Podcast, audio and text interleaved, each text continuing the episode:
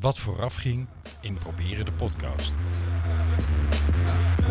Hier een spiegel, vermijd hem of kijk erin, maar begrijp dat... Oké, dames en heren, en welkom bij Proberen de podcast.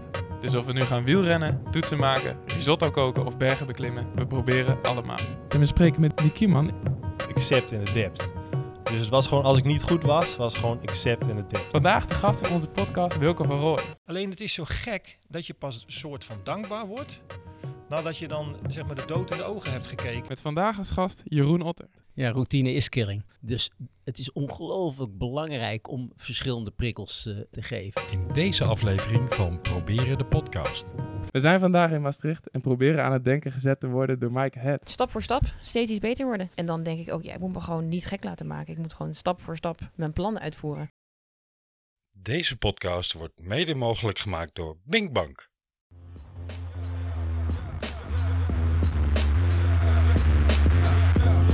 Een spiegel, vermijd hem of kijk erin, maar begrijp dat dan pas het gezeik begint. Ik ben een heel gedreven persoon.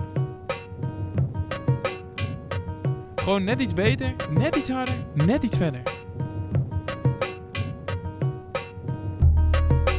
Proberen de podcast met Jan-Willem van Schip.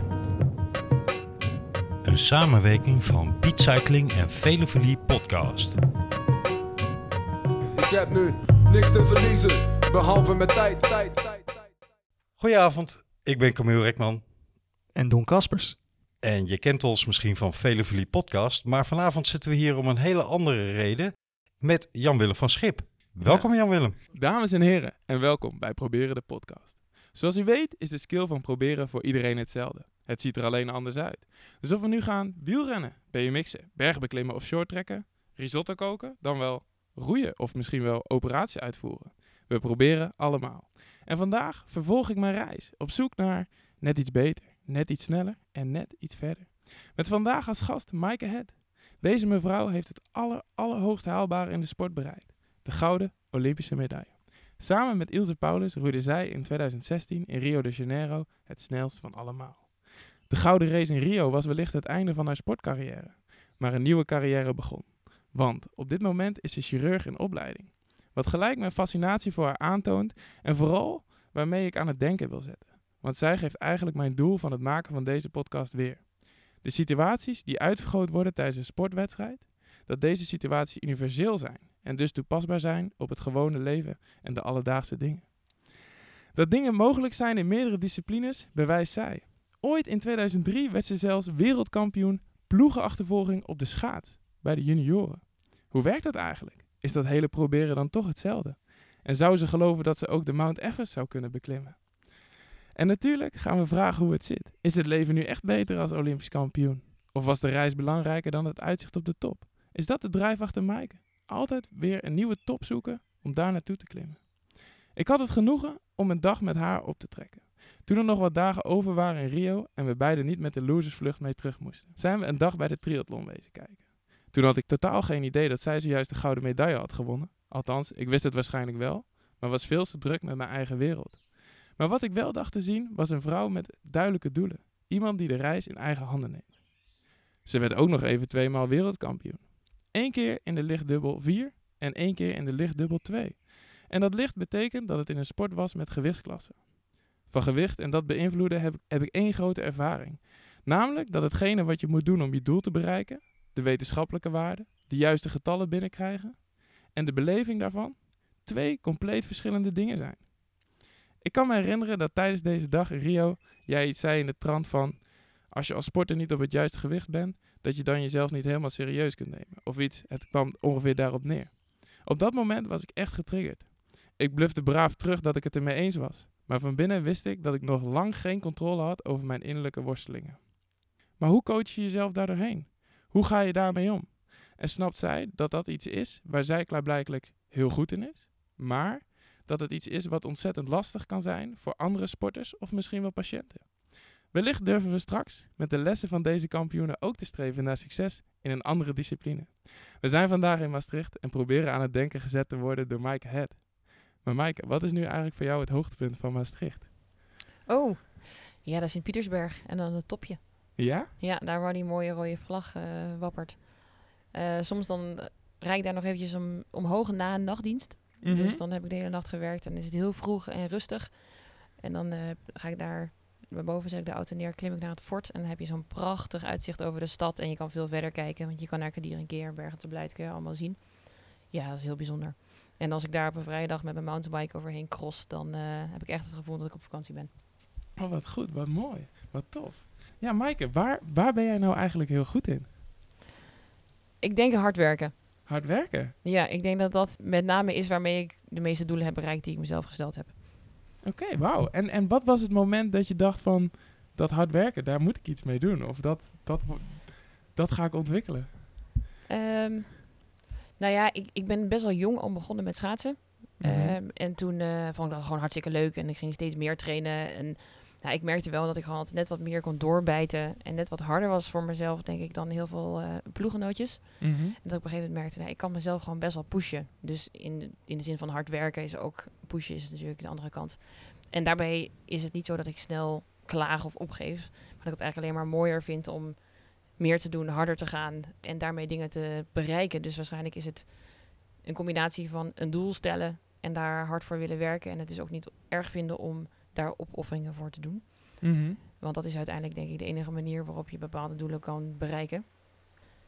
Ja, dat, ja, ik merkte eigenlijk al toen ik tiener was dat ik daar beter in was dan veel ploegenootjes die op een gegeven moment toch ja, liever de kroeg in gingen dan hard gingen trainen. Mhm. En ik vond het niet zo erg om dat op te horen. Had je niet eh, in je familie bijvoorbeeld voorbeelden Nee. van mensen die op hoog niveau sporten? Nee, helemaal niet. Dat is echt vanuit jezelf gekomen. Ja, ja, en ik heb dan wel ouders die altijd gezegd hebben: Nou ja, als je iets wil, dan moet je daarvoor werken en dan stimuleren we je. Het is nooit, nooit gepusht of iets dergelijks. Niet van je moet, want we hebben betaald voor de contributie, dus eh, schaatsen zal je. Mhm. Het was altijd, nou, als jij wil, dan faciliteren we je. En dat is echt wel vanuit mezelf gekomen, ja. Nou, je bent dan begonnen inderdaad met schaatsen, maar, en je vond dat pushen mooi, maar je kan ook zeggen van, nou, je kan het ook mooi vinden om jezelf te pushen tijdens een training, maar je wilde dat daar ook wel daadwerkelijk iets mee bereiken. Wat was het moment dat je dacht van, nou, ik wil, ik wil die medaille winnen, zeg maar? Ja, dat is heel bijzonder. Maar ik weet dus ook echt nog precies eh, wanneer dat was. Dat was eigenlijk na een van mijn allereerste schaatstrainingen. Dan was ik negen, denk ik. Dat ging natuurlijk dramatisch. Ik had van die hoge noren en ik zwabberde alle kanten op. En ik stond meer naast die schaatsjes dan eh, echt erop. Dus toen na de training, toen zei mijn vader... nou kom, we gaan even chocomel drinken met slagroom in Haarlem... in de Koek en Sopie tent. En daar hing dus een foto van Yvonne van Gennep. Met haar Olympische medailles. En toen vroeg ik aan mijn vader, hey, wie is dat? Wat heeft zij gedaan? En eh, wat zijn die medailles? En toen vertelde hij haar verhaal. En toen dacht ik, dat wil ik ook. Wat Ja, vet. Toen was ik negen. Dat had ik echt geen idee natuurlijk. Maar goed, ja. En had je toen wel al het gevoel van mijn kracht zit in het feit dat ik harder kan doorbijten Nee, dan joh, anderen? nee, nee, nee, nee. Toen was ik negen. Ik had net mijn eerste training achter de Nee. rug. Dus nee, hoe ik dat ging doen, wist ik natuurlijk niet. Maar het is, uiteindelijk is die gedachte ontstaan. En die was kennelijk heel sterk. En waar dat precies dan vandaan komt, ja, weet ik ook niet zo goed. Want ik had helemaal geen... Ja, mijn vader heeft een beetje gesport, maar nooit echt heel sportief. En er waren geen andere mensen in de familie die een voorbeeld voor mij waren. Nee. Ik merkte gewoon dat ik het schaatsen na die eerste training heel leuk vond. En dat ik het idee had dat ik het gewoon wilde kunnen. En in die zin heb ik altijd, als ik iets aanpak, dan wil ik het ook graag leren en dan wil ik ook goed in worden. En toen, eh, ja, die combinatie tussen dat schaatsen leuk vinden en dan met die gedachte van, oh, zo'n Olympische medaille, dat lijkt me geniaal. Ja, dat heeft eh, ervoor gezorgd, denk ik, dat in ieder geval die twee ingrediënten er waren.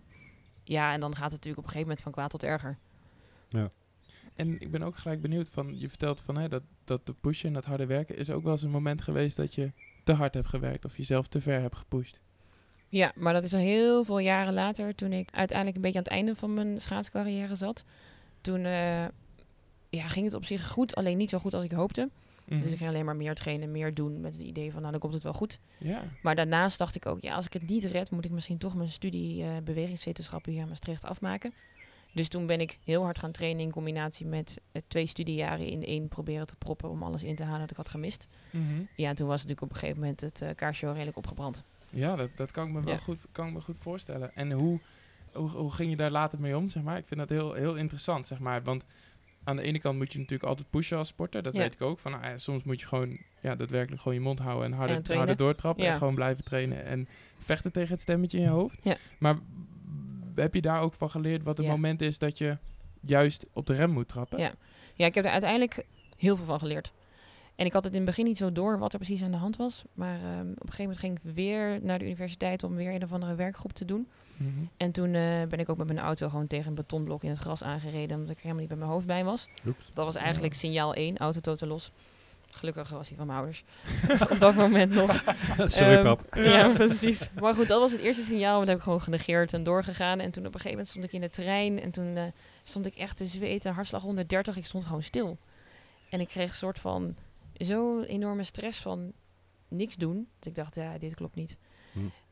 En toen heb ik ook de stekker even uit het, eh, uit het schaatsen getrokken. En besloten, nou, nu gaan we gewoon die studie afmaken. Want op deze manier werkt het niet. En toen kwamen ook al mijn vrienden en iedereen die zei... ja, je zag ook zo slecht uit. En ik woog helemaal niks meer. Ik was lijkbleek. Ik was gewoon eigenlijk ja, overtraind, overspannen, hoe je het ook wil noemen. is eigenlijk allemaal een Mhm. beetje hetzelfde. Ik had mezelf gewoon te, push, te, ver gepusht. Te veel avonden tot 1, 2 uur s'nachts gestudeerd. En dan s'avonds wel, of de volgende dag wel weer gewoon twee keer trainen. Ja. Ja, weet je, dat kan je lichaam gewoon niet aan. Maar ik heb wel geleerd, dus dat gevoel herkennen van niet kunnen slapen. Constant een hele hoge hartslag hebben op het moment dat je wil gaan slapen. Dan kom je dus nooit in een soort van rustfase tijdens je slaap. Dus dan ben je nooit meer opgeladen om de dag erna te trainen. Mhm. Dus dat gevoel kon ik daarna heel goed herkennen. En daardoor kon ik wel veel eerder op de rem trappen. Dus ik heb dat ook echt wel meegenomen naar mijn sportcarrière daarna. Dat Is, ik, is ja. is, heb je nog een, nog een specifiek moment? Want ja, je bent natuurlijk eh, een stuk, stuk ouder dan ik, zeg maar. Dat je bijvoorbeeld in een periode daarna een moment had gehad van... hé hey jongens, wacht even. We zijn het allemaal wel aan het doen, maar ik moet nu echt op de rem Ja. gaan staan. Want dat, dat is toch Moeilijk. altijd moeilijk, ja. Ja. Nou, ik heb uiteindelijk, ik ben natuurlijk begonnen met roeien toen ik geneeskunde ging studeren. En toen ben ik er zo rustig ingerold. Bij het roeien begin je vaak eh, bij de studentenvereniging in het eerste jaar is acht. En dan train je zeven keer per week. Dat stelde voor mij niks voor. dus het was prima te combineren Ja, met ja. mijn studie. Ehm, en zo, eh, eh, sorry dat ik je onderbreek, Ja. Maar even voor onze luisteraars. Je was gestopt met schaatsen nadat je in de ploegenachtervolging al eh, brons had gewonnen. Hè? Nee, Maar, ja, goud, of maar goud, sorry. maar Ja. wa- wat had je met roeien op dat moment? Niks eigenlijk, hè? Nee, nou het grappige is dat op de middelbare school kreeg ik op een, eh, op een gegeven moment een vriendje hier in Maastricht. En die roeide bij Saurus. Dat is de studentenroeivereniging hier. Ja. En die zei over tijden van ergometers en zo. Hij zei, ja, als je dan op zo'n ergometer gaat zitten en je maakt je halen en je zit ongeveer onder de twee minuten per 500 meter. Ja, dat is best wel goed voor een vrouw. Dus hij ging op zijn apparaat zitten een keer op een sportschool. Wam, wam. En nou, easy. Ik denk, oh, nou, dit kan ik, misschien kan ik dit ook wel. Ja. Ehm, en toen ik naar Rotterdam ging, wilde ik per se eigenlijk de topsport gedag zeggen. En lid worden van de studentenvereniging. Gewoon lekker aan de bar hangen, feestjes vieren en alles inhalen wat ik had gemist voor mijn gevoel. Toen ben ik overal langs geweest, bij alle verenigingen. En toen eigenlijk de enige die me echt aansprak was de studentenroeivereniging. En daar had ik nog steeds de illusie dat ik aan de bar ging hangen en feestjes ging vieren. ja. Maar ik werd al heel snel ehm, ja, gemotiveerd om in ieder geval één jaartje te gaan wedstrijdroeien. Want ze zagen al wel dat ik in ieder geval fysiek sterker was dan de rest. Ik Hm. was wel een kleintje, vergeleken met die lange meiden. Maar ik ging wel de snelste op de ergometer. En dat kwam natuurlijk door het, door het schaatsen. Ja. Want je doet het ook met je benen roeien. Iedereen denkt dat doe je met je armen, maar dat is niet waar. Ja. Ja, dus zo ben ik er dan weer ingerold. En wat was dan weer, want dat, dat, dat vind ik dan wel mooi. Dan uiteindelijk komt die drive elke keer weer, weer, weer, terug. boven, weer, weer, weer terug boven drijven. Want Ja. dan, dan, zeg je, dan zit het dan toch diep van binnen. En wat was het moment dat je dan dacht, voor, voor dat roeien van... Ja, maar ja, nu ga ik echt Yvonne van Gennep achterna. Nu, nu, nu ben ik er klaar mee. Nu ga, Ja, ik, echt, nu ga ik dit echt... Nou, echt dat doen. heeft eh, niet eens zo, ja, ook niet, eh, niet zo heel lang geduurd hoor. Want uiteindelijk in mijn eerste jaar eh, hebben we gewoon een beetje leuk in Nederland rondgedobberd. En in het tweede jaar mochten we al naar het studenten Europees kampioenschap. En er waren al mensen bij onze vereniging die hadden internationaal geroeid. En die zeiden, ja, je, je bent best wel getalenteerd. Als in je, Mhm. je snapt de beweging. En fysiek ben je gewoon sterker dan een gemiddelde lichte dame. Ja. En toen in mijn derde jaar mochten we al meedoen aan bepaalde testen. Want het was na Beijing en toen moesten ze een nieuwe groep creëren. Mhm. Toen werden mijn ploegenootje en ik al uitgenodigd. Ja, toen waren wij met z'n tweetjes de sterkste en werden wij in een bootje gestopt. En toen gingen we mee op het eerste trainingskamp. En toen versloegen we een aantal dames die net in Beijing een medaille hadden gehaald in de acht. Dus toen dachten wij al, hmm, Hm. misschien kunnen we dit. Toen heb ik stiekem ook wel gedacht, nou ja, als we in ieder geval al naar een WK mogen, bij wijze van, dan is de Olympische Spelen misschien haalbaar. Dus toen is eigenlijk dat vuurtje is gewoon weer aangewakkerd. Oh, wat cool. En, wat, en wat, wat, wat vond je ervan dat je een soort van... Dat je dat, dat fysieke talent had, zeg maar? Ja, dat, dat wist ik al wel een tijdje, want we doen natuurlijk bij schaatsen doe je ook altijd fysieke testen. Mhm. Toen zeiden ze al, ja, joh, VO2, VO2 max is wel vrij hoog voor een vrouw. Dus ik had altijd wel het idee, oké, dat fysieke, dat, dat zit dan kennelijk wel goed. Eh, en ik heb ook altijd het idee gehad dat ik daar het ultieme uit wil halen. Mhm. Als in, de dingen die ik heb gekregen, daar wil ik gewoon gebruik van maken. Dus ik heb kennelijk een fysiek gekregen waar ik veel mee kan. Dan wil ik dat ook echt tot het uiterste benutten. En daarom is ook een van de redenen waardoor ik na de Olympische Spelen in Londen ook door ben gegaan. Omdat ik dacht, ja, ik heb gewoon niet het uiterste uit mezelf gehaald. Er zit meer in. Ik wist gewoon zeker dat ik gewoon nog harder zou moeten kunnen. En dat is gewoon zo'n heerlijk gevoel als je het idee hebt dat je echt gewoon dat ten volle benut hebt. Ja, wat cool. Want in Londen behaalde je Achtste. achtste, hè? Ja. Ja. En toen was je een aantal jaar aan het roeien. Wel Ja. op topniveau maar je dacht, hier zit nog veel meer in. Ja, dat was, we waren toen, tenminste ik was mijn zesde jaar roeien was dat. Ja. Maar van de eerste twee jaar, ja, gewoon wennen is en eh, een beetje leren. En we waren vier jaar aan het skullen, dus met twee riemen. Ja. En we weten, ja, iedereen weet in het roeien dat het gewoon best wel lang duurt voordat je die techniek geoptimaliseerd hebt. En ons traject was ook niet ideaal. Dat hebben we helemaal zelf moeten uitzoeken, omdat er geen vaste coach voor ons was. Dus we hebben jaar na jaar hebben we weer moeten zoeken naar coaches. Hebben we zelf een plan moeten maken. Dat was gewoon verre van ideaal. Hm. Want wij moesten zelf het wiel uitvinden. Ja. En dat, Mhm. ja, dat schiet ook niet op. Dus Nee. eigenlijk, eigenlijk waren jullie net in een soort rustfase aan het komen. eh, na, na zes, zeven jaar opbouw. Ja, we hadden net een beetje het idee dat we enigszins wisten waar het Ja. om ging. Precies. Ehm, ja, en dat, ja, weet je, uiteindelijk was achtste op dat moment voor ons al heel erg goed, denk ik. Want het jaar daarvoor waren we niet gekwalificeerd. Dus we Ja. hebben ons op het nippertje gekwalificeerd. En uiteindelijk hebben we daar goed gepresteerd. Maar ja, ik wist gewoon dat er wel meer in zou zitten als we wel een goed traject zouden volgen met een duidelijk plan vanaf dag één. En, Want, wat, en ja. wat was, wat was binnen, dat, binnen dat plan, wat was het grootste veranderende inzicht tussen Londen en Rio? Nou ja, het feit eigenlijk dat we een coach kregen die wist waar hij mee bezig was. En uiteindelijk, kijk, zelf het wil uitvinden is heel leuk. Maar dan loop je Mhm. Ja. altijd een stap achter. Ja, ja, ja. Er zijn gewoon een aantal dingen waar je van tevoren al een keer over nagedacht moet hebben, die je niet pas tegenkomt terwijl je ermee bezig bent. En we kregen een coach die had al Olympische medailles gehaald met andere lichte dames. En die was in die cyclus voor Londen, was hij naar Italië vertrokken, maar die kwam, de, kwam na Londen, kwam hij terug. En die was heel duidelijk, die zei, ik heb een plan en ik heb jou nodig, want ik weet zeker dat we in Rio een medaille kunnen halen. Ja, als je daar al mee gelokt wordt en dacht, ja, je hebt een plan, je hebt een visie, jij weet hoe dit werkt. Ja, dan stap ik graag in dit bootje, ja. En geloofde je, geloofde je op dat moment dat hij dat tegen jou zei? Geloofde je toen van, Ik geloofde hem. ja, Ja. wat vet. Ah, Ja. cool. Als je hem ziet, de vastberadenheid en eh, jij had ook de ervaring. Mhm. En als je iemand hebt waar je gewoon echt vertrouwen hebt en als je het samen doet, samen een plan maakt. Toen we werden de cyclus daarvoor eigenlijk steeds in de steek gelaten. Na een jaar dan ging de coach weer weg, want dan was het niet goed genoeg. Ja, maar ja, weet je, zo werkt het niet. Je hebt Nee. tijd nodig om iets op te bouwen. Mhm. En En je dat- spreekt ook de hele tijd van wij. Want je was steeds met hetzelfde groeimaatje. Nee, uiteindelijk wij zijn we wel geswitcht, want mijn roeimaatje van Londen is gestopt. Ehm, die heeft nog wel een jaartje meegedaan voor, de, voor het wereldkampioenschap in Korea, waar we wereldkampioen werden in de dubbel vier. En daarna zei ze, nou, het is mooi geweest. En toen ehm, ben ik uiteindelijk pas twee jaar voor de Spelen met, met Ilse verder gegaan. Maar je doet het altijd samen. Het is nooit, het is altijd een groep ook. En je bent ook niet met twee meiden, je bent met een groep van zes meiden, waaruit uiteindelijk de twee Ja. beste, ja, die waar het beste mee klikt. En je trainde op de bosbaan daar waarschijnlijk. Ja, Ja. ja. ja. voor Londen trainen we ook veel in Rotterdam Oké. omdat we allebei uit Rotterdam kwamen, eh, Ah. hebben we ook wel, eh, vooral in de skiff, dus in je eentje, hebben we veel uren gemaakt gewoon op de rotte eh, op en neer. Heb jij wel eens eh, op een ergo eh, trainer gezeten in Willem? Ja, ik heb het wel eens geprobeerd, maar het is echt, ik ben er echt waardeloos. Het is echt...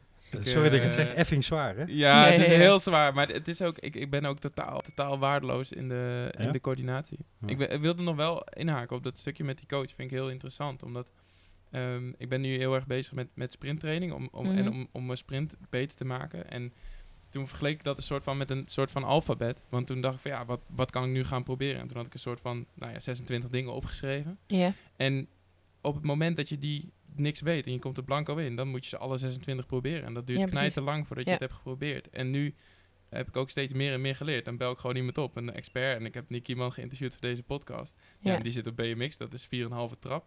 Dus ja, als je, die, als je zo iemand erbij hebt, dan heb je niet 26 dingen om te Precies. proberen, maar misschien nog maar drie of vier. En dan eh, gaat het een stuk sneller vooruit. Dus dat is echt heel cool. ja, want dan hoef je dus niet zelf dat wil uit te vinden. Ja, Ja, klopt. precies. Ja, en het is ook, uiteindelijk is het altijd een teamprestatie. Ik Mhm. bedoel, ik denk dat Olympisch goud winnen doet niemand in zijn eentje. Ook al is het een individuele sport. Je hebt altijd een mens om je heen nodig om je te begeleiden. Misschien Ja. als je het al drie keer gedaan hebt, dat je op een gegeven moment wel weet wat je nodig hebt om die top te bereiken. Maar ik denk dat als je daar echt naartoe moet werken, dan heb je gewoon mensen nodig die je kunnen adviseren in de stappen daarnaartoe. Ja. En die gewoon het spelletje al een keer gespeeld hebben. En moet je dan, want je zei dat zijn woorden, we gaan goud halen in Rio, ja, voor jou meteen de, de waarheid waren, hè, of eh, aannemelijk. Moet je daar ontvankelijk voor zijn? Is dat iets wat je eh, ook nog nodig hebt, of is dat gewoon een mindset? Ja. Nou, ik kan me voorstellen als ik tegenover jullie zou gaan staan en zeggen... jongens, we gaan goud halen. Dat jullie denken, ja, waar heb je het over, vriend? Terwijl een coach moet dus je mee kunnen nemen in dat verhaal. Nou, ik vind het, ik vind het wel heel, heel interessant. Want als je ook bijvoorbeeld... eh, we zijn ook bij Wilco van Rooyen geweest. Die heeft eh, natuurlijk veel bergen beklommen. En die zegt ook van... Nou, je moet eerst eens bedenken dat het, dat het kan... voordat je het überhaupt gaat kunnen. En ik vind het nog wel een heel, heel tof dat je dat nu, nu zegt... en dat je het inderdaad ook voor je bent gaan zien... en dat toen het proces is gaan rollen. Voor mij vond ik heel interessant... is een documentaire van Bradley Wiggins. Die staat op YouTube. Dat hij ook werkt richting Rio. En die duurt een soort van drie kwartier en er gebeurt helemaal geen fluit. En ik denk, ja, wat, wat gebeurt er? En wordt, hij wordt een soort van elke vijf minuten, want het gaat een beetje door, chronologisch door de tijd Ja. heen. En dan wordt hij geïnterviewd. En dan eh, zetten ze gewoon een camera voor, mijn- voor zijn neus en dan zegt hij zo van, ja, ja, ik denk wel dat het kan. Ik denk wel dat we goud kunnen halen in Rio. En ik had die docu gekeken en ik was helemaal flabbergasted van, ja, wat, wat is dit nou? Hoe, hoe belangrijk is dat nou? En toen later kwam ik er wel achter dat het echt belangrijk is. Ik denk dat jij daar ook wel mee eens bent, of niet, Maaike? Dat, het, dat je moet het voorzien dat, je het, dat het Ja. zou kunnen om die stap daar naartoe te maken. Ja, je moet er wel in geloven. En ik, ik wist natuurlijk niet dat we of, of we goud gingen halen, maar je moet in ieder geval erin geloven dat je met elkaar goed genoeg bent om een medaille te halen. En want ik denk dat als je het niet gelooft, dan gebeurt het ook niet. Nou had um, Jeroen Otter, de bondscoach van de shorttrekkers... Mhm. eh, Jeroen Otter had een heel mooi voorbeeld. Die zei, ik heb een top Koreaan naar Nederland gehaald. En die hebben we als het ware op de training ontleed... om te laten zien aan mijn atleten... kijk, het is ook maar gewoon een mens met armen, benen, een hoofd op een romp enzovoorts.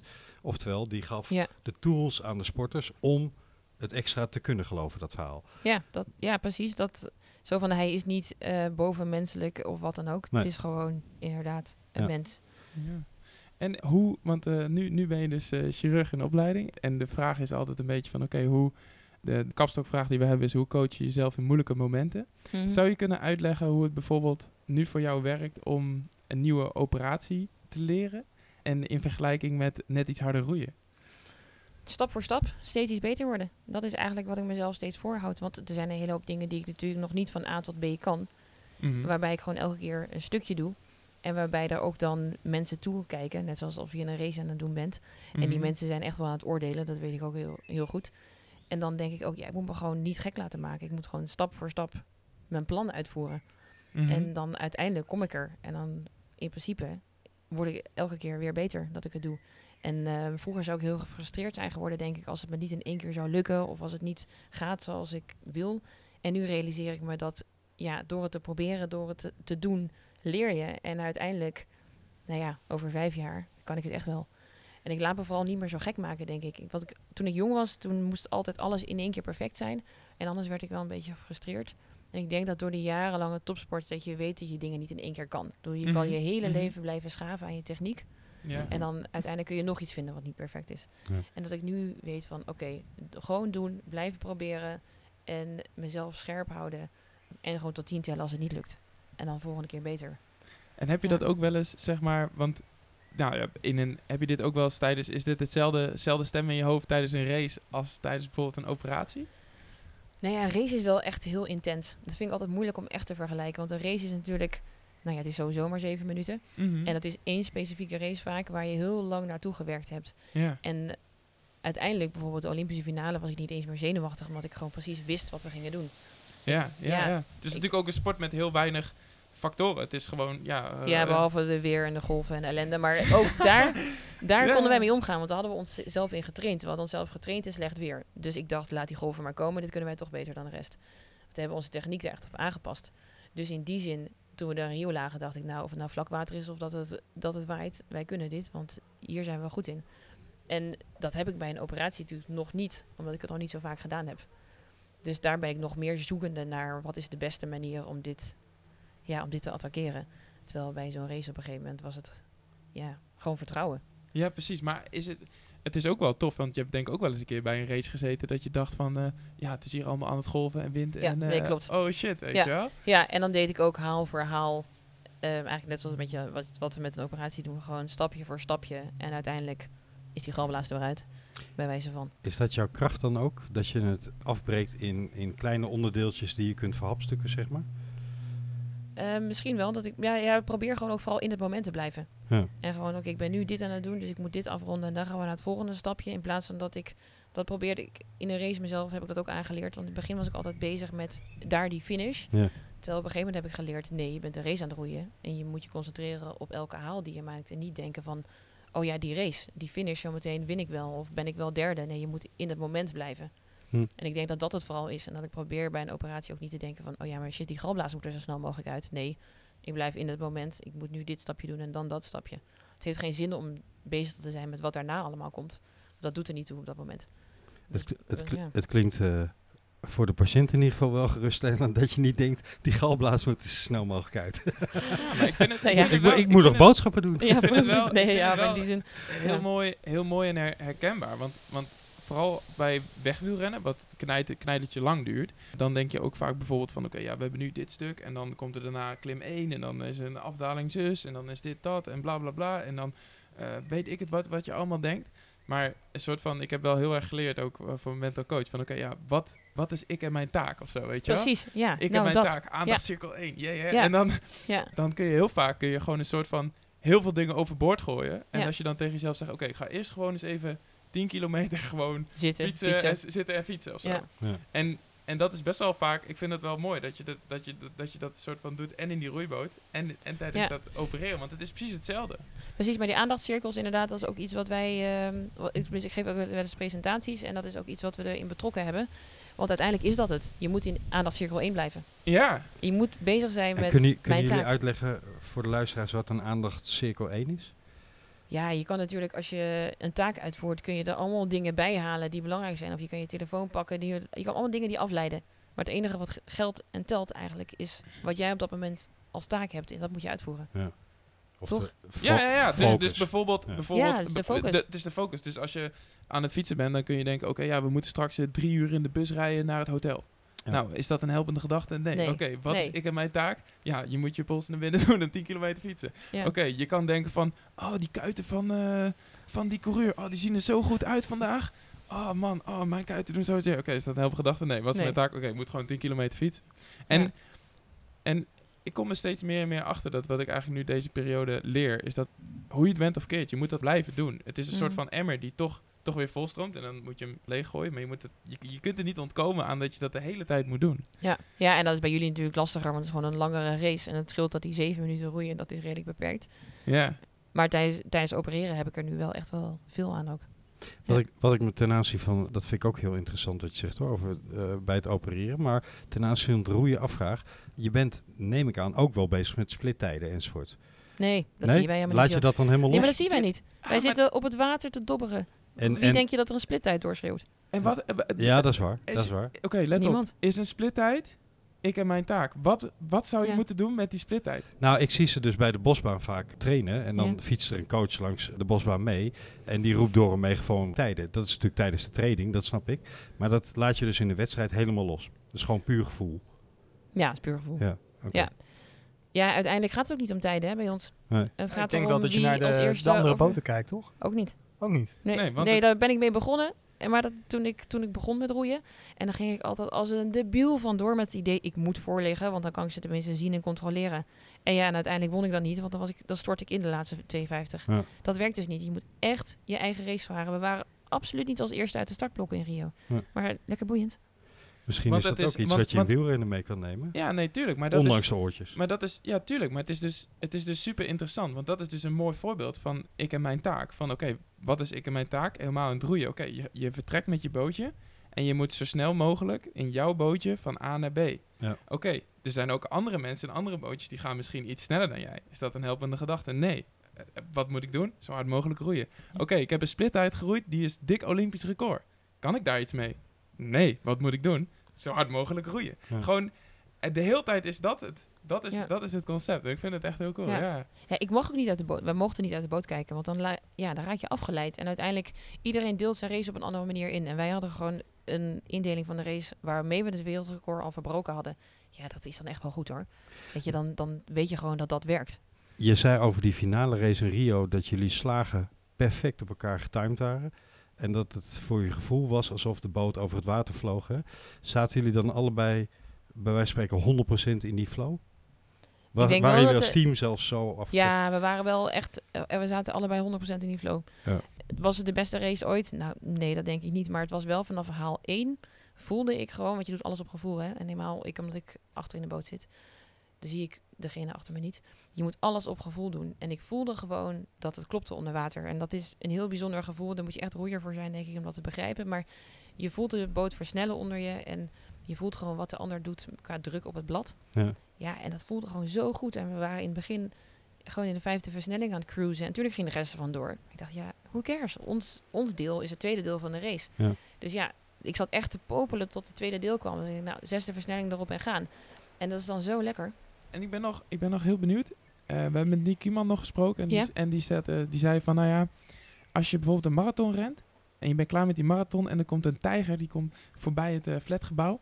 dan kun je altijd nog dat ene sprintje doen.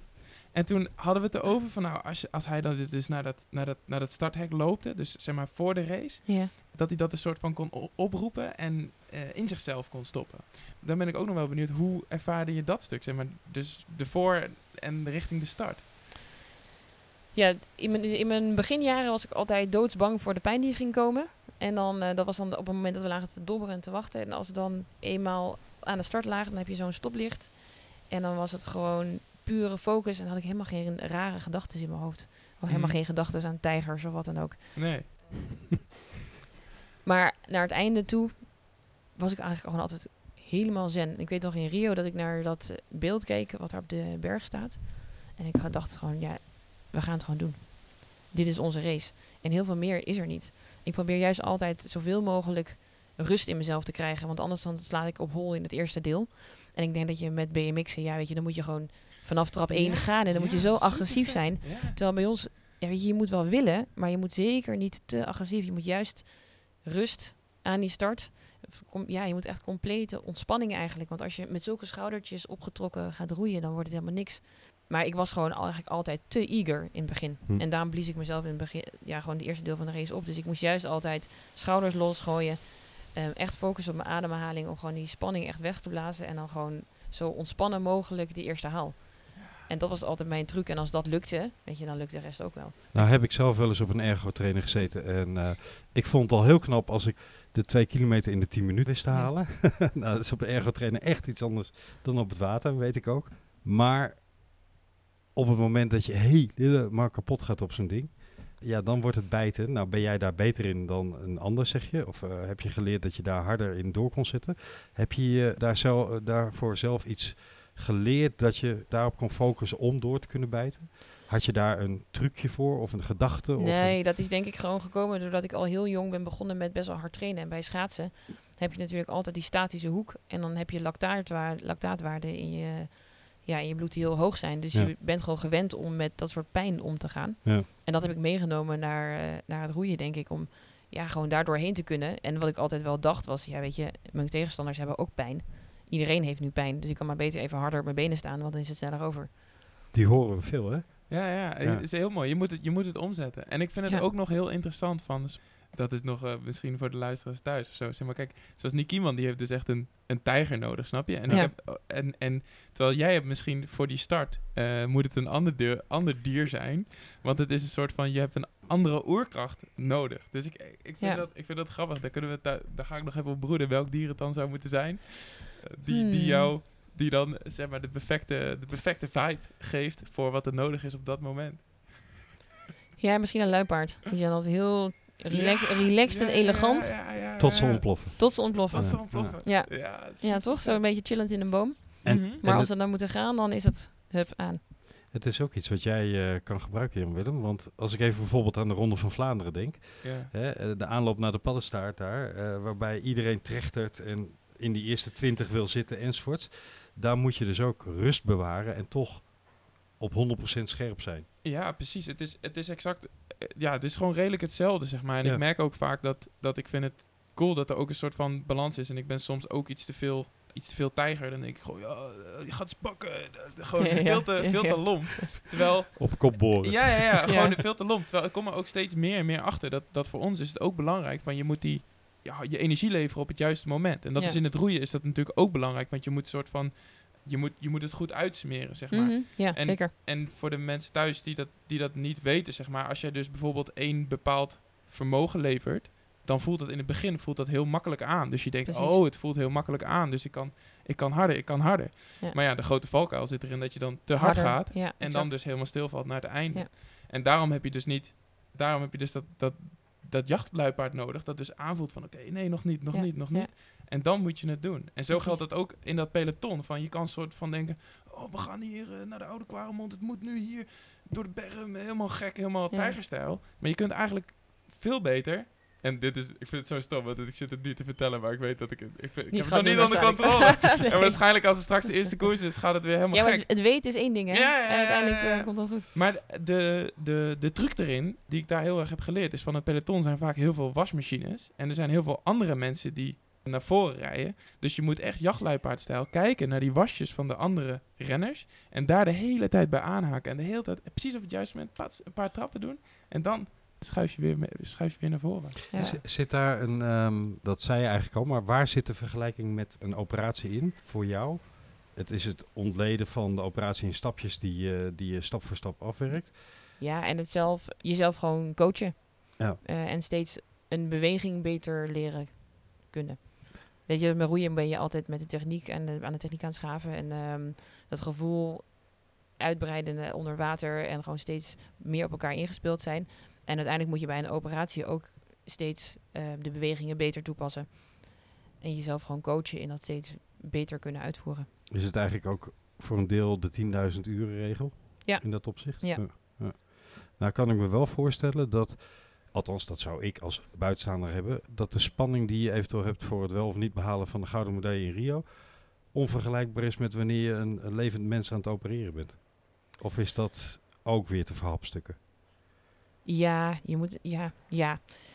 Kijk, het is, als je dat nooit gedaan hebt, dan is het idee natuurlijk dat je in iemand snijdt, is natuurlijk echt absurd. Ja. Dat je denkt, oké, iemand ligt daar te slapen onder narcose en ik ga daar mijn mes in zetten. Ja, als je dat een paar keer gedaan hebt, dan is dat gewoon, dat is gewoon onderdeel van ons werk. Laten Ja. we eerlijk zijn. Ja. knip je niet Ja, meer nee, van. maar dat, ja, dat vinden wij leuk. Natuurlijk, daar, eh, daar werken we die eh, 60 uur per week voor. Ja. En uiteindelijk is het wel bijzonder dat wij dat mogen doen, dat mensen ons toelaten om dat te doen. Hè? Want het is eigenlijk, als je erover nadenkt, is het heel bizar dat mensen hun lot zo in onze handen leggen. Ondanks het feit dat het natuurlijk gewoon goed gaat, omdat we weten waar we mee bezig zijn, is het wel gewoon, mensen geven je toestemming om gewoon in het lichaam te kijken en naar dingen te doen. Dat is eigenlijk een heel raar idee. Ik, eh, ik ben wel benieuwd. Zeg maar, de, de, zeg maar, je hebt natuurlijk altijd gestreefd naar die, naar die gouden medaille. Dus we moeten hem eerst even aftikken. Hoe- Is het leven beter als Olympisch kampioen? Ja, dat was net in jouw intro. En toen dacht ik al meteen, nee, tuurlijk niet. Want uiteindelijk, wat is het mooiste? Als ik terugdenk aan al die jaren, dan is de weg ernaartoe zo briljant geweest. En dan het schaatsen en het roeien en al die wedstrijden. En natuurlijk was Rio geweldig, hè? laten we eerlijk zijn. Dat Ja. was wel echt de kerst op de taart. Ridder in de orde van Oranje Nassau, hè? Ja, superleuk. Maar ja, daar word ik niet gelukkiger van. Nee. Zeker niet. Nee, maar het is de ervaring die ik heb opgedaan. En al die jaren gewoon bezig zijn met wat je zo ontzettend mooi vindt. En dat is gewoon sporten, buiten zijn, ja, je lichaam in optimale vorm brengen. Daarmee ook een geweldig plan samen uitvoeren met je team. En het is gewoon een voorrecht dat ik dat heb mogen doen. Mhm. En dat ik daar goud mee heb gehaald, dat is geniaal. Want ik denk dat dat wel geholpen heeft in mijn opleidingsplek tot chirurg. Want dat vinden mensen gewoon mooi natuurlijk, dat spreekt aan. Mhm. Dat is die eh, erkenning, hè? ja, Ja. ja, ja. Ja, en ergens denk ik dan ook, ja, maar sorry, als ik vierde was geworden, had ik al die jaren net zo hard getraind. En dan had ik net zoveel discipline laten zien. Was ik net zo wijs geworden, zo gezegd, door al die jaren topsport. Maar ik had de erkenning niet gehad. Mhm. Dus uiteindelijk heb je dat goud bijna nodig om dus die erkenning te krijgen. Terwijl het helemaal niet fair is ten opzichte van alle mensen die net vierde worden, bij wijze een soort legitimatie bedoel je? Ja. ja. Ja. Vind, Ja, je bijna dat, wel. vind je dat die, ik vind die erkenning wel een heel interessant punt. Want ik, ik merk dat best wel veel mensen, inclusief mezelf, ik worstel, da- worstel daar ook wel mee. Zeg maar, ik heb ook heel lang niet durven zeggen van als ik op een feestje was van hé, hey, ik ben, eh, ja, ik ben, wat, wat doe je? Dan zei ik altijd, ja, ik ben student. Terwijl ja, dat sloeg nergens op, want dat is al lang, eh, lang profielrenner. Ja. Hoe kijk je daarnaar? Zeg maar, dat voor, voor Rio en na Rio is dat natuurlijk waarschijnlijk 180 graden gedraaid. Ja, mensen konden, ja, weet je, mensen herkennen je en mensen vinden het gewoon gaaf. Dus je hebt meer erkenning voor het feit dat je sporter bent. Mhm. En mensen snappen dat je daar al je tijd en energie in steekt.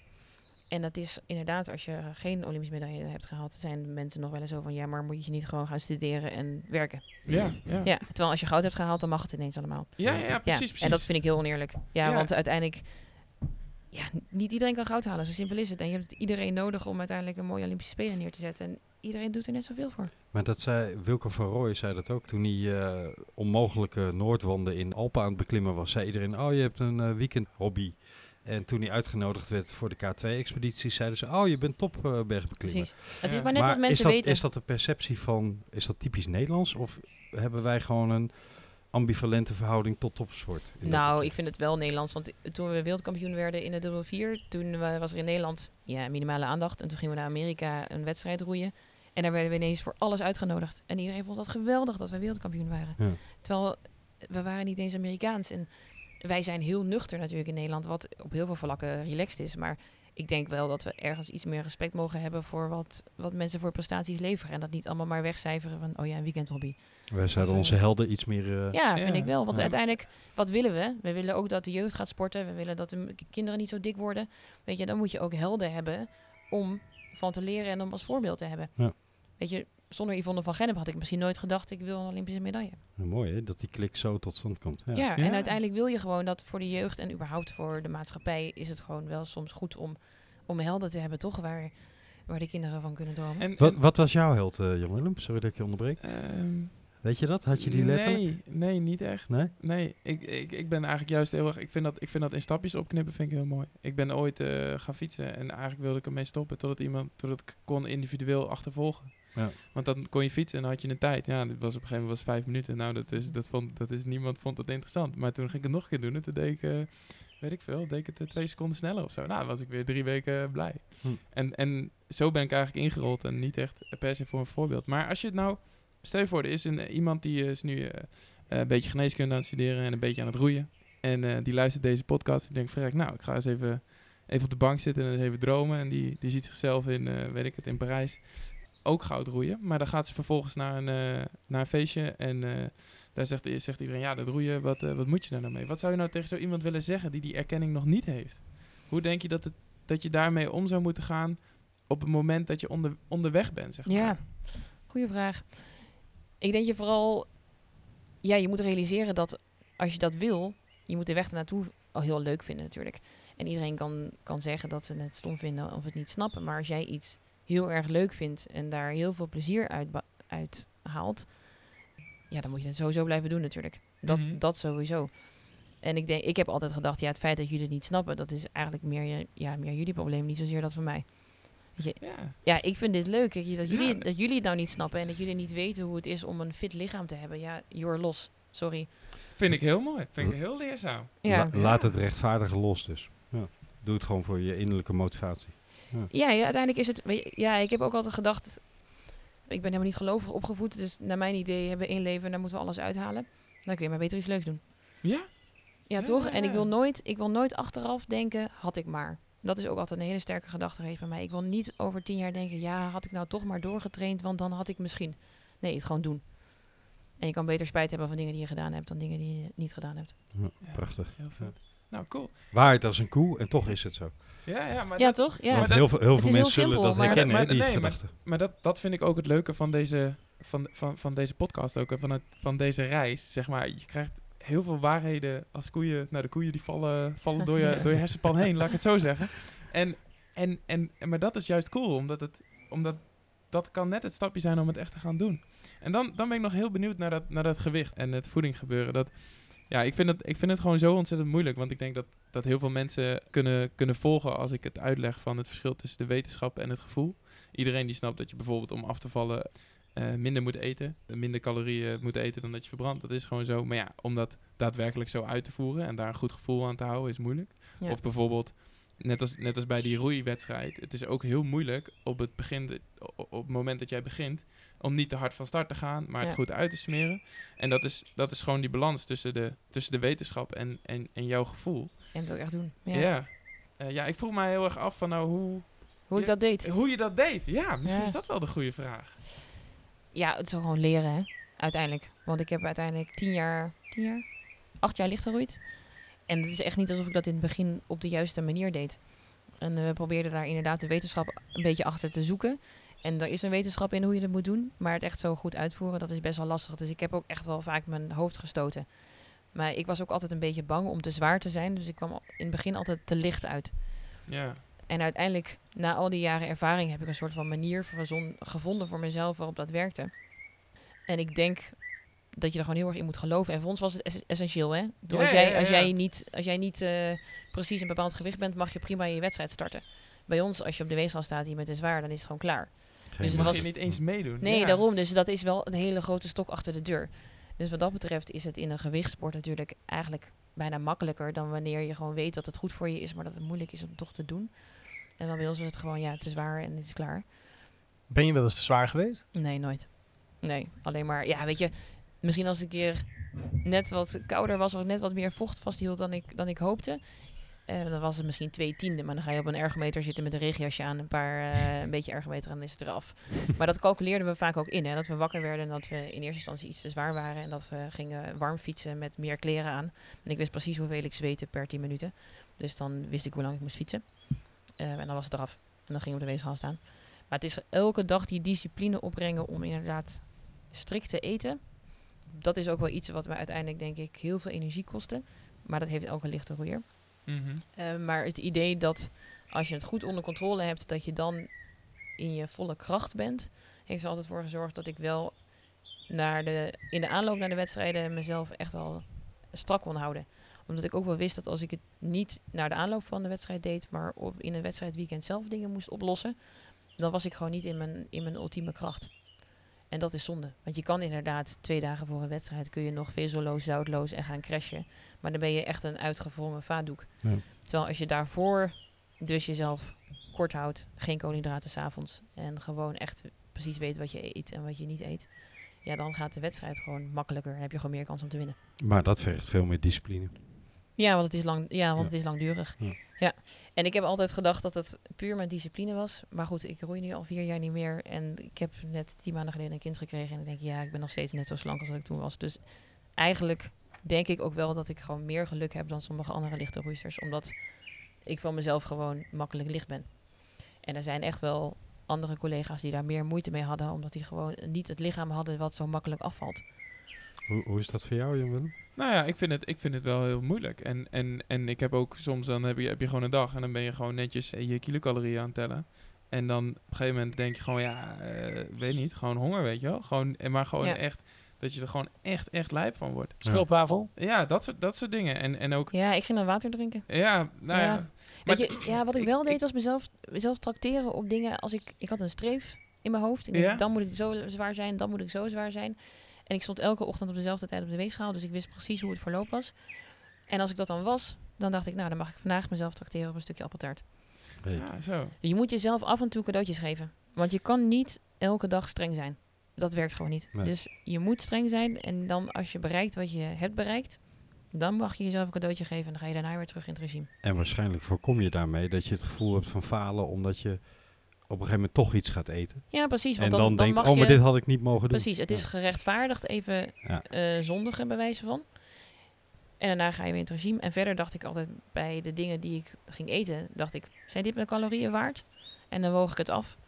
En dan dacht ik soms, nee, dit is het eigenlijk gewoon niet waard. Ik kan het beter overhouden voor eh, de goede boterham na mijn training, bij wijze van. Heb je een voorbeeld Tuurlijk van je- iets wat het absoluut wel waard was? Appeltaart? Appeltaart. Ja? Ja, dat was mijn... Ja, En jij, Willem? ja. Ik zit er gewoon soms wel eens te denken, erover na te denken. En dan, ja, ik weet niet. Ik, ik, ik kan het ook niet goed, niet goed uitleggen. En ik zit het nu te vragen. En ik vind het toch... Maar wat is jouw absolute forbidden fruit? Eh, ja, ik vind boterham met pindakaas hagelslag vind ik echt master. Maar goed, dan weet je dat... dat Maar, maar, laat kan- het- kan laat- wel in het je kan- het- calorieën, toch? Tuurlijk, het, het, moet, het moet kunnen. Maar het is, het is gewoon... Het is wel gewoon... Ik vind het wel interessant dat je er inderdaad een soort van een spelletje van moet maken. ja, je moet echt... Ja, En, en, Ja, en, dat is en je moet er... Je, uit de losse pols of zo gaat ook niet. Denk ik. Je kan het Nee. gewoon niet... Nee, dat, dat, dat werkt naar mij mee niet. Wat, wat zou je nou zeggen tegen eh, mensen die nu net bijvoorbeeld beginnen met licht roeien of zo? Wat denk je van, nou dat is... Zo zou je het het beste kunnen aanpakken of zo. Ja, ik zit te denken hoe ik het zelf in het begin deed. Je moet gewoon heel bewust zijn van wat je eet en op welke momenten je eten nodig hebt. Ehm, dus je moet heel erg bewust zijn dat je graag na een training bepaalde calorieën tot je neemt om aan te vullen, om effect te hebben van je training. En bijvoorbeeld s'avonds at ik geen koolhydraten, omdat ik het idee had van ja, ik ga zo meteen slapen. Dan heb ik het niet zozeer meer nodig. Mhm. Maar ik wil wel gewoon normaal kunnen ontbijten voor mijn training, want ik moet wel mijn training goed kunnen doen. Ja. Dus je moet gewoon heel, heel goed nadenken op de, over de momenten op de dag dat je wel iets echt nodig hebt om te eten. En die andere momenten moet je, als je een hongergevoel hebt, een appel eten, bij wijze Ja. van. Dus iets wat gewoon wel een beetje vult, maar vooral heel veel vocht is. Of water drinken of iets dergelijks. En je moet er inderdaad, wat je zegt, een spelletje van maken. Je moet met jezelf een schema afspreken wanneer je welk gewicht wil hebben. En als je dat hebt, weet je, dat ene stuk appeltaart, dat gaat het verschil niet maken. Als dat eens in de paar weken is. Maar dat is wel, als je dat elke dag doet, gaat het verschil maken, bij wijze van. Maar Ja. je moet jezelf doelen stellen en je daar even belonen. En dingen die je heel lekker vindt, ja, dan soms is dat gewoon even de calorieën waard. En dan moet je ze alleen ergens anders vanaf snoepen. ja, precies. Want wat ik dan deed was, meestal wel als ik een stuk appeltaart had gegeten, dan zorgde ik dat ik s'avonds echt geen koolhydraten had. En gewoon s'avonds iets minder. Helpt het om daar, daar dan goed in gecoacht te worden? Of eh, moet je daar dan zelf ook... eh, Ja, wat ik, ik vind het lastig, want je moet echt wel een goede diëtist hebben die ehm, vooral ligt hoe je begrijpt. Want op een gegeven moment hadden we een diëtist en die had ons dieetrepen voorgeschreven voor de wedstrijd. En er zat dan knetterveel zout in. Ja, als je iets niet moet doen, is het dus een hele berg zout gaan eten. Want dan hou je vocht vast, ben je zwaarder. Je, je moet echt iemand hebben die snapt waar het om gaat. En ik denk dat er zijn bepaalde fietsteams, zoals mij nu profteams, die heel gebalanceerd zijn met hun eten. Die Ja. alles precies uitrekenen en echt afwegen. Een foodcoach hebben. En Precies, precies. Maar dat zijn mensen die echt snappen waar topsport om gaat. En je kan niet de gemiddelde diëtist die een opleiding heeft gedaan, nooit ook maar één fietstocht gemaakt heeft, bij wijze van spreken. Die kan niet, niet, daar niet van verwachten dat hij snapt wat je doet. En ehm, je moet wel echt iemand hebben die en het eten snapt en de sport snapt. Maar als ik jou goed beluister, helpt het zeker ook om het zelf te snappen. Zodat het je mo- kan motiveren, omdat je weet, s ochtends wel goed koolhydraten, s s'avonds niet nodig. en dat je ook zelf weet waarom je het doet. Precies.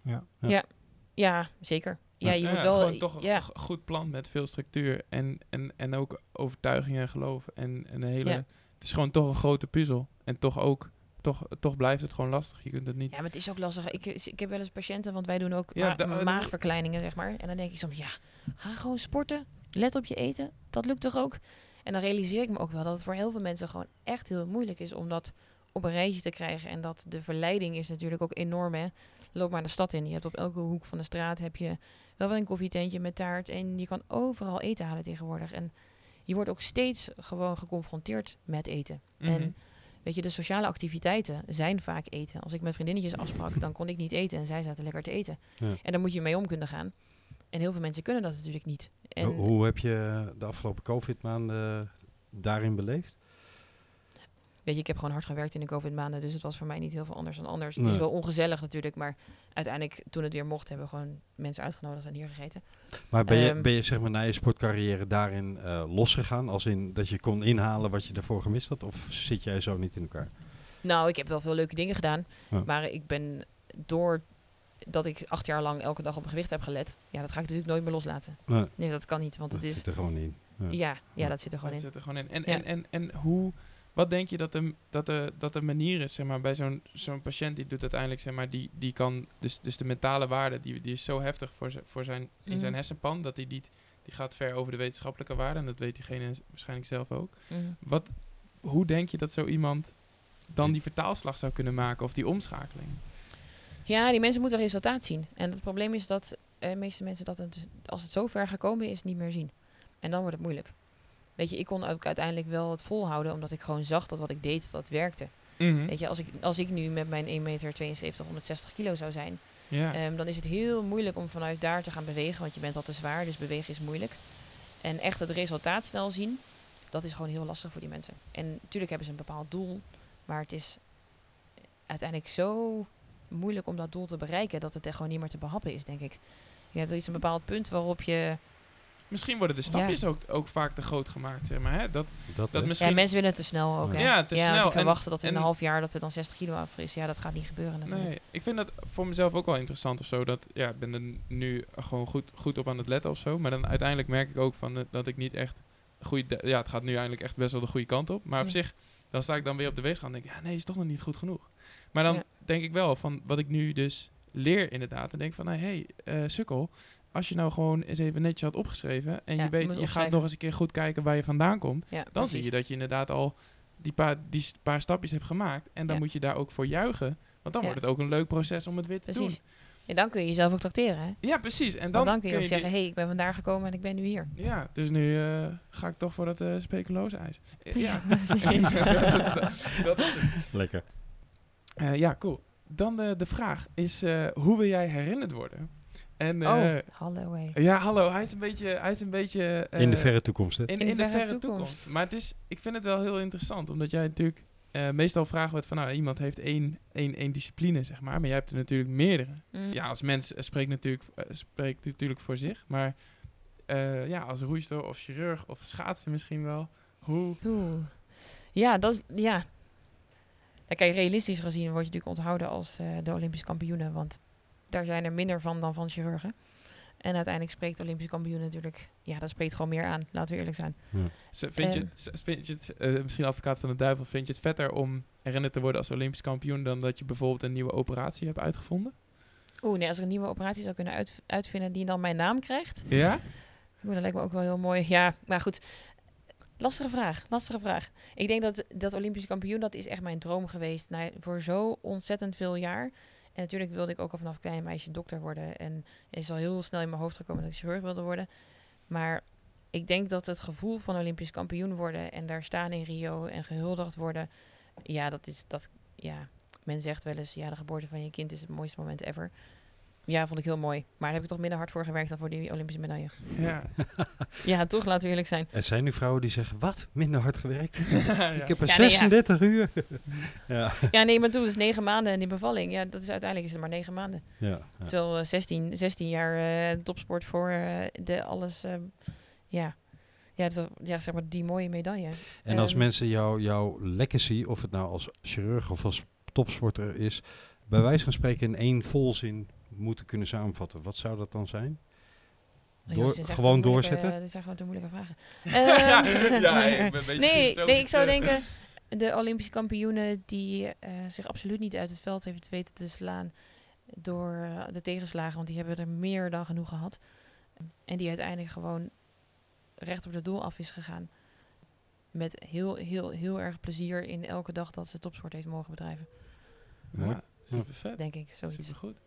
Ik heb zou iets mooiers uitkomen als ik er langer over na had gedacht. Maar Nou, nee, nee, maakt niet uit. Het is, eh, het is, ik vind het, eh, het is gewoon een leuke vraag die, die mij veel bezig had Ja. gehouden. Dus vandaar dat hij erin zit. Ja. Ik heb nog één brandende vraag.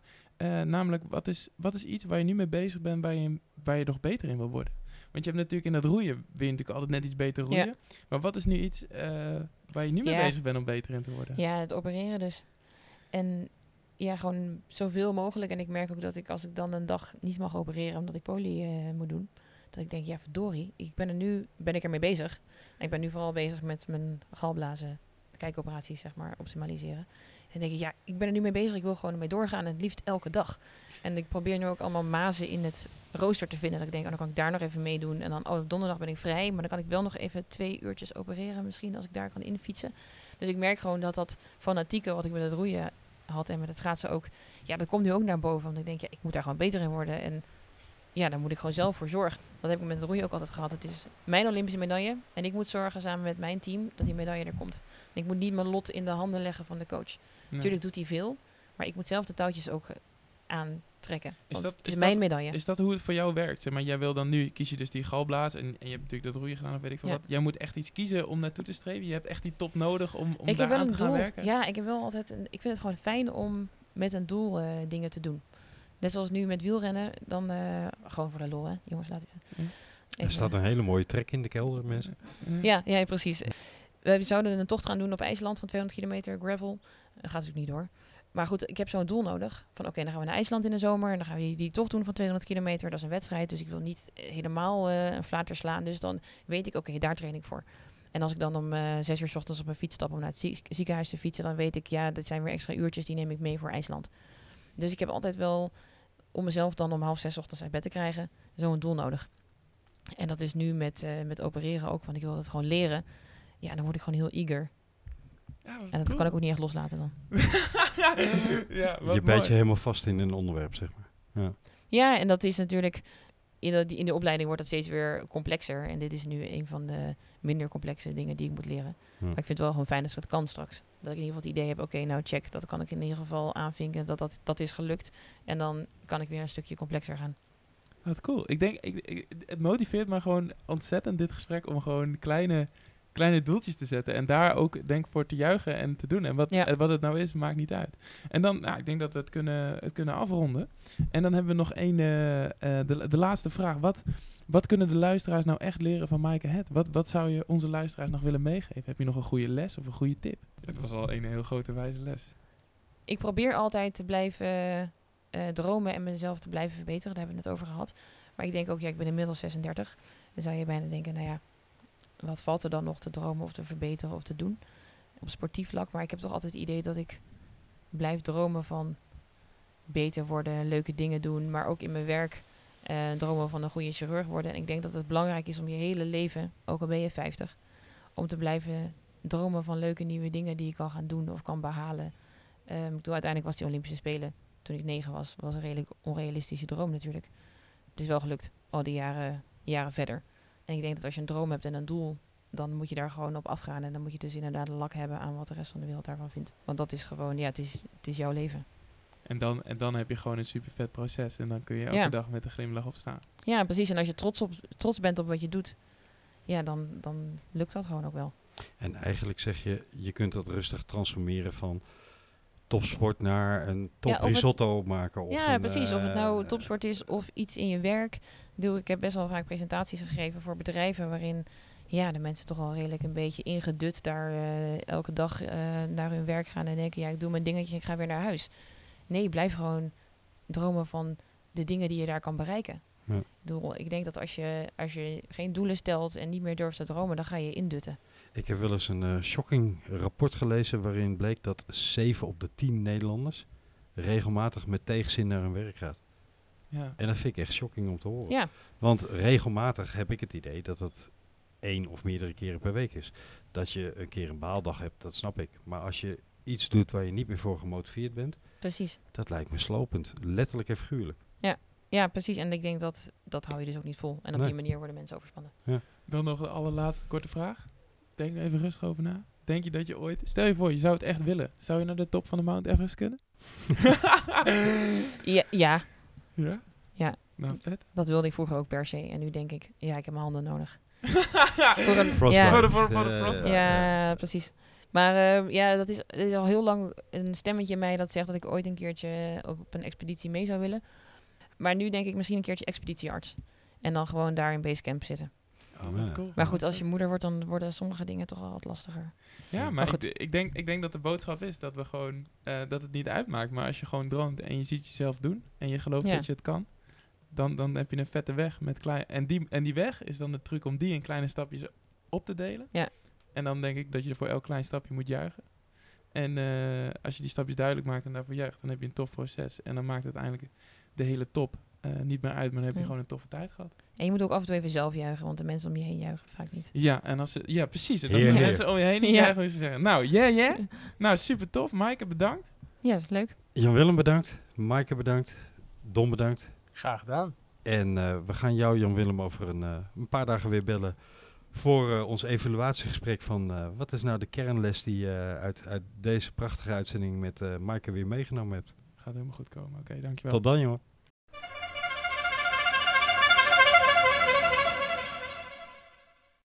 En dan nu een stukje plannen, proberen en evalueren.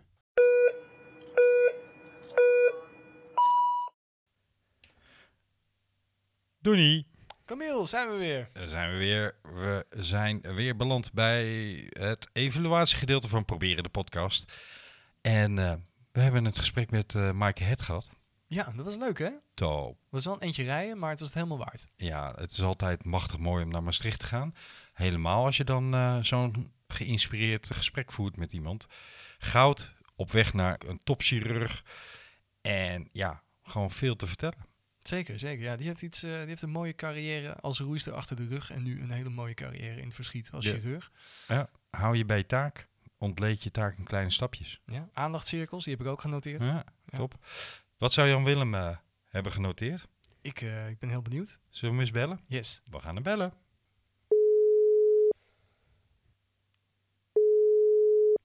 Yes, hallo, goedenavond. Jan-Willem, Camillon Zijn we weer.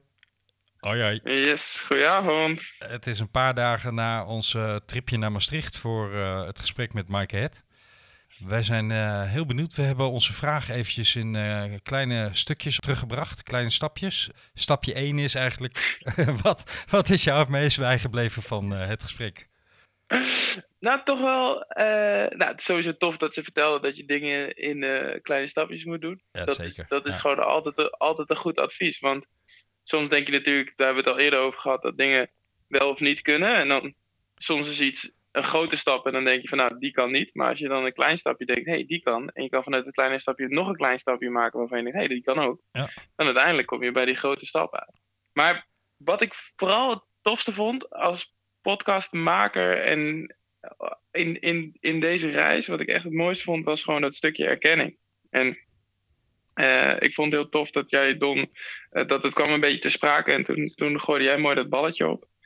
En, en dat we het daar met haar over konden hebben. En zij vertelde gewoon, ja, zij is gewoon super dedicated en zij kan heel goed die keus maken om ergens voor te gaan. En Ja. dat is natuurlijk heel noemenswaardig. En toen hadden we, zaten we eigenlijk na het gesprek, na de podcast, hadden we het er nog over. En toen zei Don van, ja, misschien is het ook wel om dat proces te laten gaan, terwijl je het nog niet hebt bereikt. Dat is misschien een stukje zelferkenning. Dus je moet zelf erkennen dat jij heel graag naar die plek toe wil. Ja. En dat, dan, dat, je dan, dat je je dan wel staande houdt op een feestje. Dat je dan wel kunt zeggen van ja, ik, ik wil gewoon heel graag wielrennen. Ja, en als iemand iets heel graag wil of heel erg vindt, dan is dat ook logischer. En, en eh, dat, dat vond ik wel een, echt, echt een super mooie les voor, ja, om, om te vertellen aan de luisteraars van hé, hey, als, als, als je iets wil bereiken, maar je hebt misschien nog niet helemaal de, de vibe van je omgeving, als je maar heel duidelijk bij jezelf weet en die zelferkenning hebt dat jij het wilt. Dus dat vond ik echt fascinerend. Ja, het is, het is eh, deels laat los wat je omgeving ervan vindt. En deels wees niet vooral je eigen grootste tegenstander door meteen alles te downplayen en, en te bagatelliseren enzovoort. Hè? Maar juist andersom, geloof erin. Geloof er allereerst zelf in. Geloof in jezelf. Geloof in Ja. jezelf, precies. Ja, Ja, erken, erken, erken, dat, erken dat jij daarheen wil. Erken dat je het misschien nu nog niet kan, maar dat je wel denkt dat het kan. Ja. En, en, en dat je gaat proberen te zoeken hoe je het dan eh, gaat leren. Het mooie, Ja, echt eh, super vet. het mooie vond ik, eh, Jan-Willem, dat eigenlijk dat in, in alle vier de gesprekken met eh Niek Kimman, met Jeroen Otter, met Wilke van Rooyen en nu weer met Maaike Het, eigenlijk zeggen ze allemaal hetzelfde. Het gaat om die route. Het gaat om dat je zelf die route wil, eh, wil afleggen.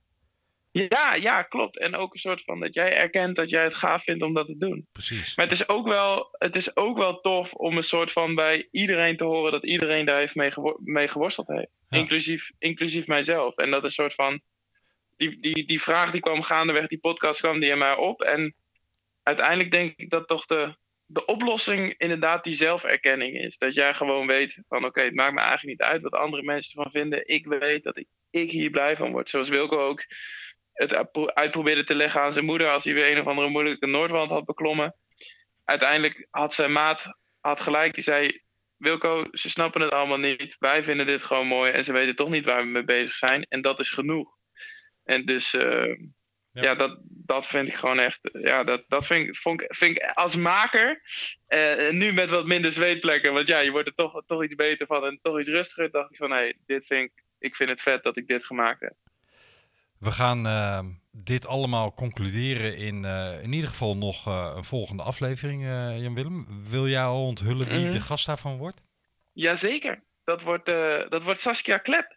Zij is de, is de baas van, eh van Bing Bang. Gaaf. En eh, dus ja, het is, het is heel tof. En, en ik vind het ook heel tof omdat ik wilde heel graag nog iemand die niet uit de sport kwam. Ja. En, en eh, een vrouw vond ik ook tof. En, en dan, dan wil ik haar eigenlijk interviewen en dan wil ik nog een soort van bedenken. Want dat, dat vond ik nog, nog cool aan, aan het verhaal van Maaike. Dat ik nog, nog echt graag wil toevoegen dat zij vertelde van nou, dat, hoe zij zich focuste voor, de, voor die roeiwedstrijd. Dat is natuurlijk een andere taak dan een BMX-wedstrijd. Mhm. En voor die BMX-wedstrijd heb je echt die tijger nodig, want dan moet het in één keer gebeuren. Ja. En bij die roeiwedstrijd moet je niet te hard beginnen. Jacht Dus dan heb je een ander, dan, dus dan heb je een ander dier eh, nodig op je schouder om je te coachen dat je niet te hard begint.